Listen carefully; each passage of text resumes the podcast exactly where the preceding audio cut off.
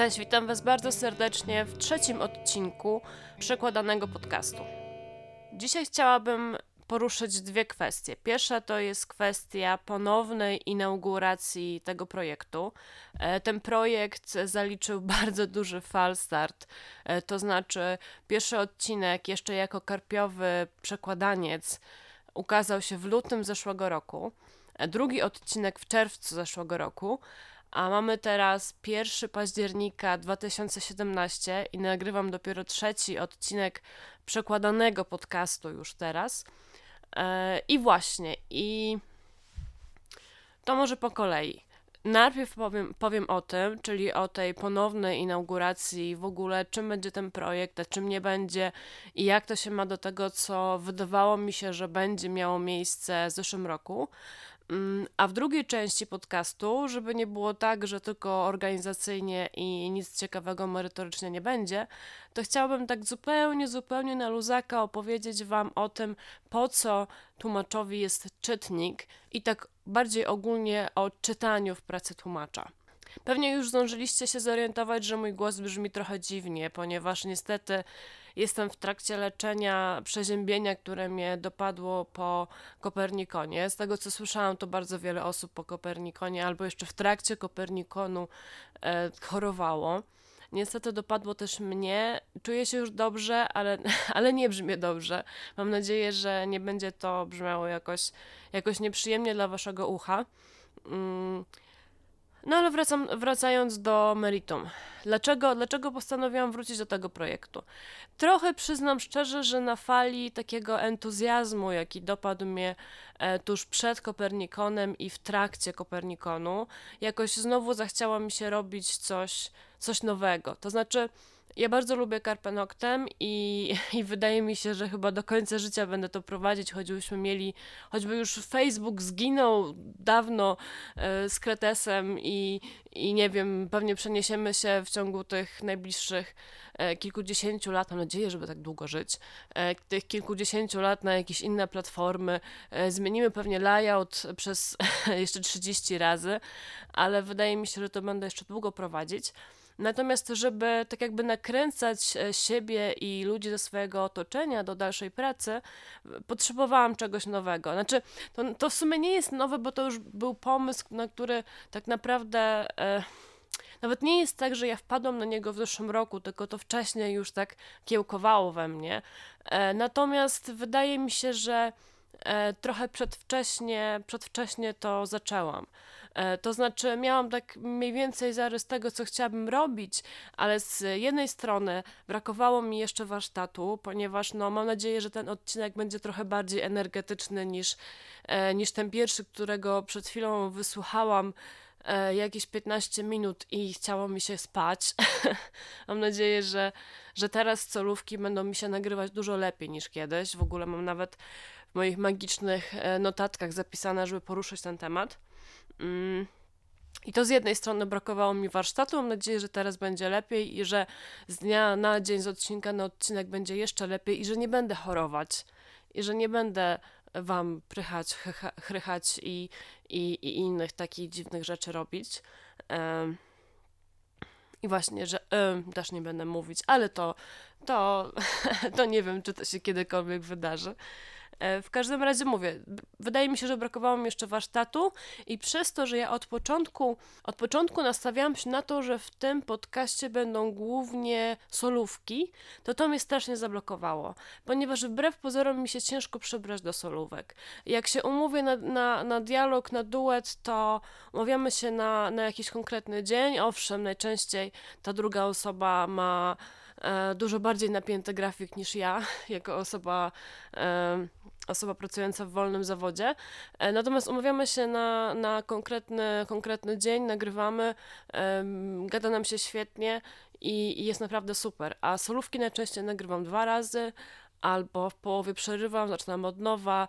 Powitania są dla mnie w ogóle koszmarem i najczęściej, najczęściej naprawdę powitania nagrywam za trzy albo cztery razy. W każdym razie wydaje mi się, że to mnie zablokowało. Z drugiej strony zablokowało mnie również to, że jest tyle tematów, które można poruszyć. Ja w tej chwili mam, mam taki dokument, e, dokument googlowski, gdzie sobie wypisuję w punktach wszystkie pomysły, jakie mam na odcinki na, i na duety i tak dalej. I jest już około 20 tych pomysłów, a to są tylko takie, takie wymyślone na poczekaniu i to na pewno będzie tego więcej. Więc, więc wydaje mi się, że zablokowało mnie to, że Wydawało mi się, że jak poruszę jeden temat, to od razu zahaczę o inny i w zasadzie jak wydzielić jeden temat z wielu, ponieważ wszystko się ze sobą łączy. I trochę to też chyba, trochę chyba siebie też tak naprawdę tłumaczyłam. W tym sensie, że chyba brakowało mi motywacji tak ogólnie, żeby to robić i trochę się tłumaczyłam tym, że, że nie mogę wpaść na jakiś taki pomysł, który będzie się tak ładnie, taki ładnie ograniczony będzie. A teraz nagle mam same takie fajne pomysły i, i wydaje mi się, że, że jest akurat ta chwila, kiedy to może ruszyć i kiedy to może się udać. I mam nadzieję, że za pół roku nie zmienię zdania. Wiem, przepraszam. Przepraszam, jeżeli Was zniechęcam e, swoim małym entuzjazmem. Znaczy, małym entuzjazmem to jest coś, co niestety mnie charakteryzuje i Jestem realistką raczej niż optymistką, dlatego nie, nie słuchajcie może mnie pod tym względem i bądźcie optymistami i słuchajcie przekładanego podcastu. Jeżeli jesteście ciekawi, e, co mówiłam w pierwszym odcinku w lutym zeszłego roku, to oczywiście odsyłam Was do tego odcinka. E, link powinniście bez problemu znaleźć. To jest na tym samym feedzie, na którym jest e, ten odcinek, którego słuchacie. Chciałabym teraz przejść do drugiej części tego podcastu, czyli do odpowiedzi na pytanie, po co tłumaczowi czytnik.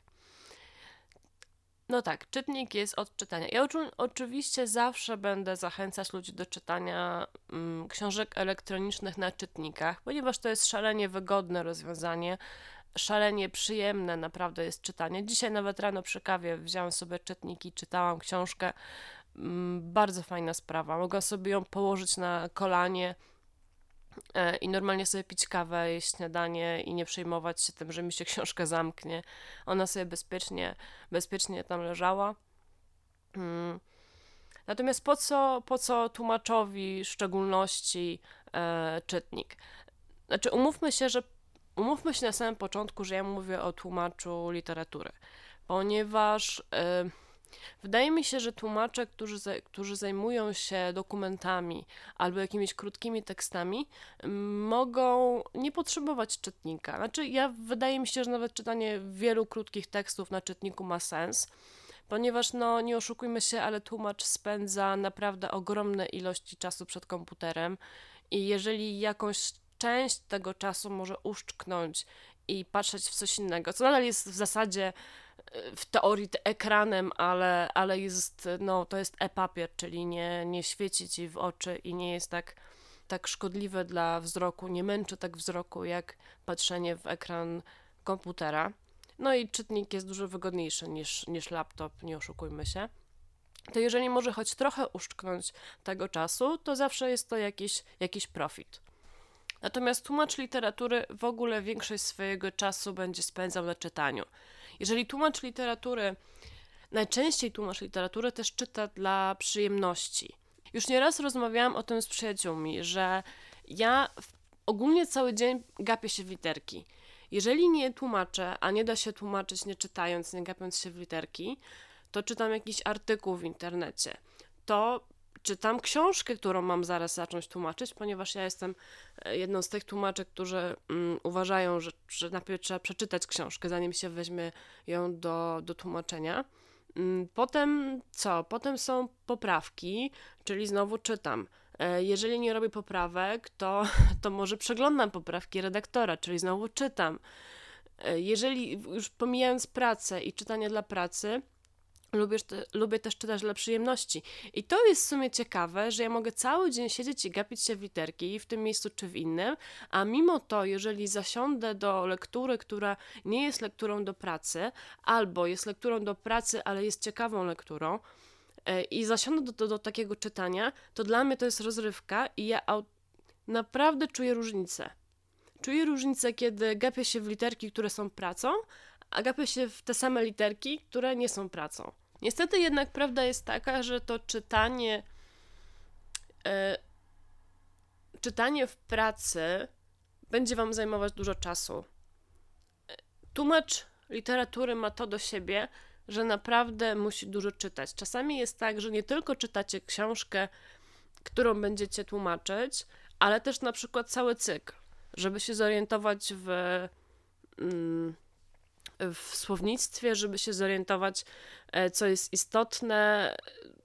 No, to w ogóle jest temat na oddzielny podcast, dlaczego warto, warto i powinno się, e, się czytać jak najwięcej e, przed podejściem do tłumaczenia w ogóle.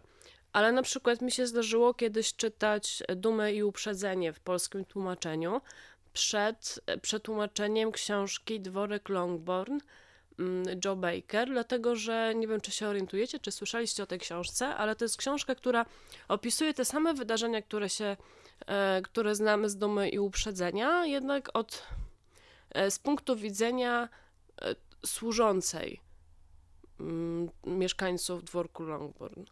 Swoją drogą to całkiem, całkiem fajna, sympatyczna książka, w ciekawy sposób mm, pokazuje zupełnie inne, inne spojrzenie na, na te wszystkie wydarzenia i pokazuje też no, to, to rozwarstwienie społeczne w tamtych czasach. Jeżeli, jeżeli, jeżeli słuchają jakieś fanki Jane, Jane Austen, to dla nich to jest pozycja obowiązkowa zdecydowanie. Inna sprawa jest taka, że tłumacz literatury musi zdawać sobie sprawę z tego, i to jak najwcześniej musi sobie zdać z tego sprawę, że będzie operował naprawdę długimi tekstami. To znaczy, praca z krótkim artykułem, nawet jeżeli jest napisane pod, w podobnym, podobnym języku e, co literatura, będzie zupełnie czymś innym niż siedzenie czasami miesiącami nad, nad jednym tekstem, tak? Znaczy codziennie robisz coś innego, wiadomo, bo to nie jest w kółko powtarzane to samo, aczkolwiek każda książka, każdą książkę prawdopodobnie będziecie musieli poznać od podszewki. Nie, powinnam wykreślić to prawdopodobnie. Poznacie ją od, od podszewki, poznacie wszystkie szczegóły, dlatego że będziecie musieli ją najpierw przeczytać, potem przetłumaczyć, a wiadomo, że przy tłumaczeniu no, każde zdanie będziecie, będziecie obrabiać w swoim umyśle na wszystkie strony. E, potem musicie ją przeczytać jeszcze raz w trakcie własnych takich poprawek, ponieważ no wiadomo, najpierw tłumaczymy na surowo, pewne rzeczy zostawiamy, pewne rzeczy tłumaczymy mm, tak jakby próbnie, e, na, na, na surowo, tak? A dopiero, dopiero potem sczytujemy jeszcze raz wszystko przed oddaniem do wydawnictwa i no poprawiamy swoje błędy, tak. Y, mm, co prawda nie mamy zazwyczaj aż tyle czasu, żeby ten tekst faktycznie wystarczająco długo sobie poleżał i poczekał na, na te nasze, na to aż y, aż nabierzemy tyle dystansu, żeby zobaczyć wszystkie swoje błędy. Natomiast no, po miesiącu, a mniej więcej tyle trwa praca nad jedną, jedną takiej średniej długości książką, po miesiącu już jesteśmy w stanie dużo swoich błędów wyłapać i poprawić. Ale może proces wydawniczy jeszcze kiedyś, jeszcze kiedyś omówię, może w jakimś fajnym duecie z, e, z kimś, z jakimś pracownikiem wydawnictwa. W każdym razie po tych poprawkach jeszcze dostaniecie poprawki od redaktora i co prawda wtedy już Chyba, że jesteście, że odwaliliście fuszerkę i macie tych poprawek naprawdę w każdym zdaniu, to wtedy, to wtedy nie musicie już e, czytać całości, tylko po prostu przeglądacie. No ale w, w dalszym ciągu mm, musicie operować z tym samym tekstem. Więc jak już skończycie ten cały proces, już ostatecznie oddajecie tekst, on już idzie do składu i nic już więcej nie macie z nim wspólnego, to już naprawdę macie tej książki serdecznie dosyć. Chociażby była najzajebistsza na świecie, to macie jej po prostu serdecznie dosyć. I być może po miesiącu znowu będziecie ją lubić, ale to jest takie, takie duże morze. Także naprawdę, jeżeli ktoś mnie pyta o opinię o książkach, które tłumaczyłam, to, to chyba tylko dzięki dzięki temu, że potrafię tak jakby przypomnieć sobie, mm, sobie swoje doświadczenie z takiego pierwszego czytania tej książki, to tylko dzięki temu jestem w stanie tak naprawdę powiedzieć, czy mi się ona podobała, czy nie. E, dlatego, że jak ja już ją poznam naprawdę, poznam no, no wszystkie jej wady, wszystkie, a, a wadę najbardziej się zapamiętuje, bo, e, bo każda wada to najczęściej jest też problem tłumaczeniowy. E, I to naprawdę ma duży, duży wpływ na, na odbiór książki. I ja zawsze powtarzam, żeby nie brać do końca pod uwagę mojej opinii o tych książkach, chyba że chwalę. Jeżeli ja chwalę książkę, którą przetłumaczyłam, to znaczy, że jest naprawdę dobra. Dlatego, że, że tłumaczenie sprawia, że, że trochę się nienawidzi tych książek. Pewnie zaraz się odezwie jakiś tłumacz i powie, że nieprawda i tak dalej, że może nie mam, nie mam powołania do tej pracy, ale mi się wydaje, że jednak, jednak za dużo się czasu spędza nad tym i no właśnie. Ważna sprawa jest też taka, że to czytanie do pracy wpływa w istotnym stopniu na czytanie dla rozrywki. Dlatego, że po prostu Wam dużo, dużo czasu e, odejmuje z tego czasu, który normalnie byście poświęcili na czytanie czegoś innego. Na przykład, jak czytałam e, pierwszy tom Canal on mi się ogólnie podobał, więc to nie było do końca tak, że, że czytam tylko dla pracy i się nudzę i nie czuję żadnej przyjemności, ale były takie momenty, kiedy miałam dosyć. Znaczy, że musiałam to czytać na szybko, bo wiadomo, bo już powinnam rozpocząć pracę i tak dalej, i tak dalej. I autentycznie zablokował mnie ten tom, bo on był strasznie długi, miał milion dwieście tysięcy znaków, a drugi tom miał jeszcze więcej, milion sześćset tysięcy. On naprawdę zablokował mnie na cały miesiąc. I ja przez miesiąc nie ruszyłam żadnej innej książki, tylko czytałam to. Tam chyba kończyłam poprzednie zlecenie, czy może już zaczęłam e, roboczo tłumaczyć.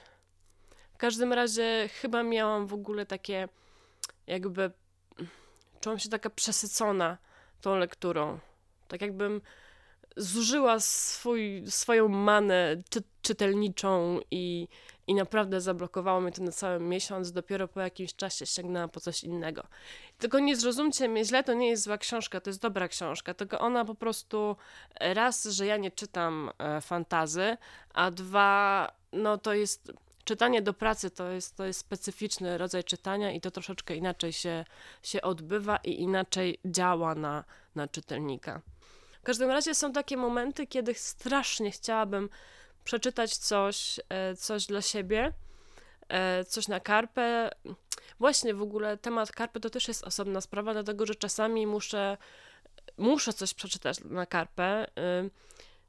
Oczywiście ja, ja unikam książek e, takich, który, na które kompletnie nie mam ochoty, ale rozumiecie, są książki, na które macie ogólnie ochotę, a są takie, które po prostu chcielibyście e, pożreć w jednej nocy. Mm. I niestety często jest tak, że, że czytam coś do pracy, mm, jednocześnie czytam coś do recenzji i nie starcza mi już czasu i chęci też, no nie oszukujmy się, ile można się gapić w literki. Nie starcza mi już chęci na, na czytanie czegoś tak totalnie już zupełnie, zupełnie tylko dla siebie. Nie do recenzji, nie do pracy, nie dlatego, że ktoś prosił o opinię i tak dalej, i tak dalej. W każdym razie, tak już wracając czysto do, do pracy tłumacza i dlaczego ten czytnik się przydaje, to chciałam jeszcze wspomnieć o tym, że w tym momencie macie, będziecie mieli mało do czynienia z papierem. Znaczy, ja wiem, że niektórzy tłumacze, którzy pracują dłużej ode mnie yy, i zaczynali troszeczkę innych czasach, to oni więcej mają do czynienia z papierem niż ja. I moje doświadczenie jest takie, że ja dostaję książkę w formacie elektronicznym, najczęściej jakim, jakimś strasznie słabym, czyli na przykład w PDF-ie, który jeszcze ze znakiem wodnym, który w ogóle przekonwertowanie tego, żeby przeczytać na czytniku, to jest koszmar. E, więc dostaję to w formacie elektronicznym. E, czytam to na czytniku mm, po czym, po czym tłumaczę, no wiadomo, też pracuję na, na komputerze. E, poprawki też, wszystko jest elektronicznie robione e, w, w edytorze. I tak naprawdę to nawet nie wszystkie książki potem dostaję po wydrukowaniu już gotowe, e, gotowe tłumaczenia. Także to wszystko trochę tak wygląda, że tak wir wirtualnie się pracuje. więc więc no musicie, musicie być na to przygotowani. To będą długie, długie, czasami nawet bardzo długie teksty i wszystko będzie w formacie elektronicznym. Więc ten czytnik będzie Wam zwyczajnie czasami ratował dupę. Taka prawda. Szkoda, że nie można poprawek robić wygodnie w czytniku, bo byłabym po prostu w niebo wzięta, naprawdę. No dobrze, to już chyba wszystko w tym odcinku. Mam nadzieję, że Wam się podobało i nie usnęliście. I mam nadzieję, że mój głos brzmi lepiej niż w tej chwili w mojej głowie. E, zaraz zresztą się o tym przekonam, bo, bo wezmę się za montaż. No i do usłyszenia. Cześć.